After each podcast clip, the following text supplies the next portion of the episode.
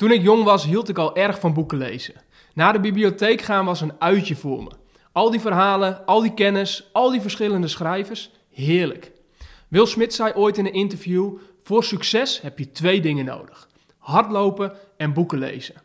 Door hardlopen leer je namelijk die stem die zegt dat je niet meer kunt te negeren.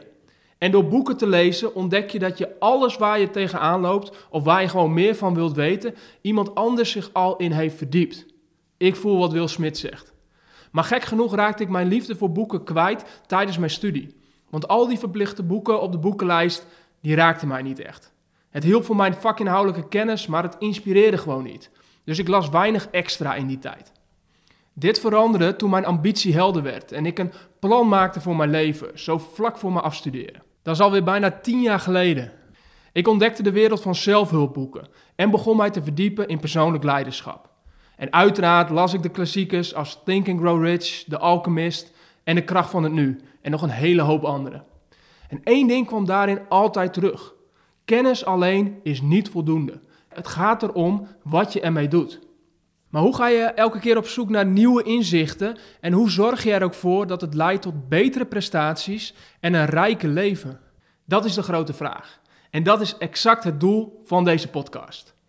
In de persoonlijk leiderschapsboekenkast, let op, met een C, lees ik elke maand een nieuw boek rond het thema van persoonlijk leiderschap. Tijdens korte wekelijkse afleveringen deel ik de kernboodschap van wat ik heb gelezen, de grootste takeaways en hoe ik de inzichten naar de praktijk vertaal. Voor als je ook van boeken en persoonlijk leiderschap houdt, is dit echt een mooie verdieping op jouw eigen leeservaring. Natuurlijk helemaal als je hetzelfde boek die maand er ook bij pakt. Maar als je niet van boeken lezen houdt, wat ik me ook goed kan voorstellen, dan is dit de perfecte manier om alsnog dezelfde kennis in te winnen. Mijn intentie is dat je na elke maand de kern van het boek te pakken hebt, zonder het per se ook zelf te lezen.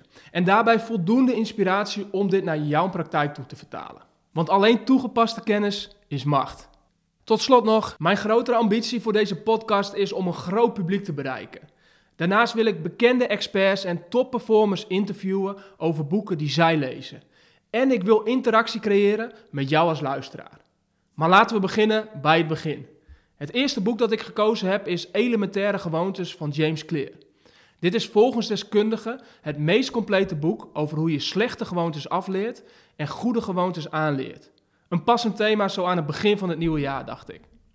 Deze week begin ik met het eerste deel van het boek te lezen.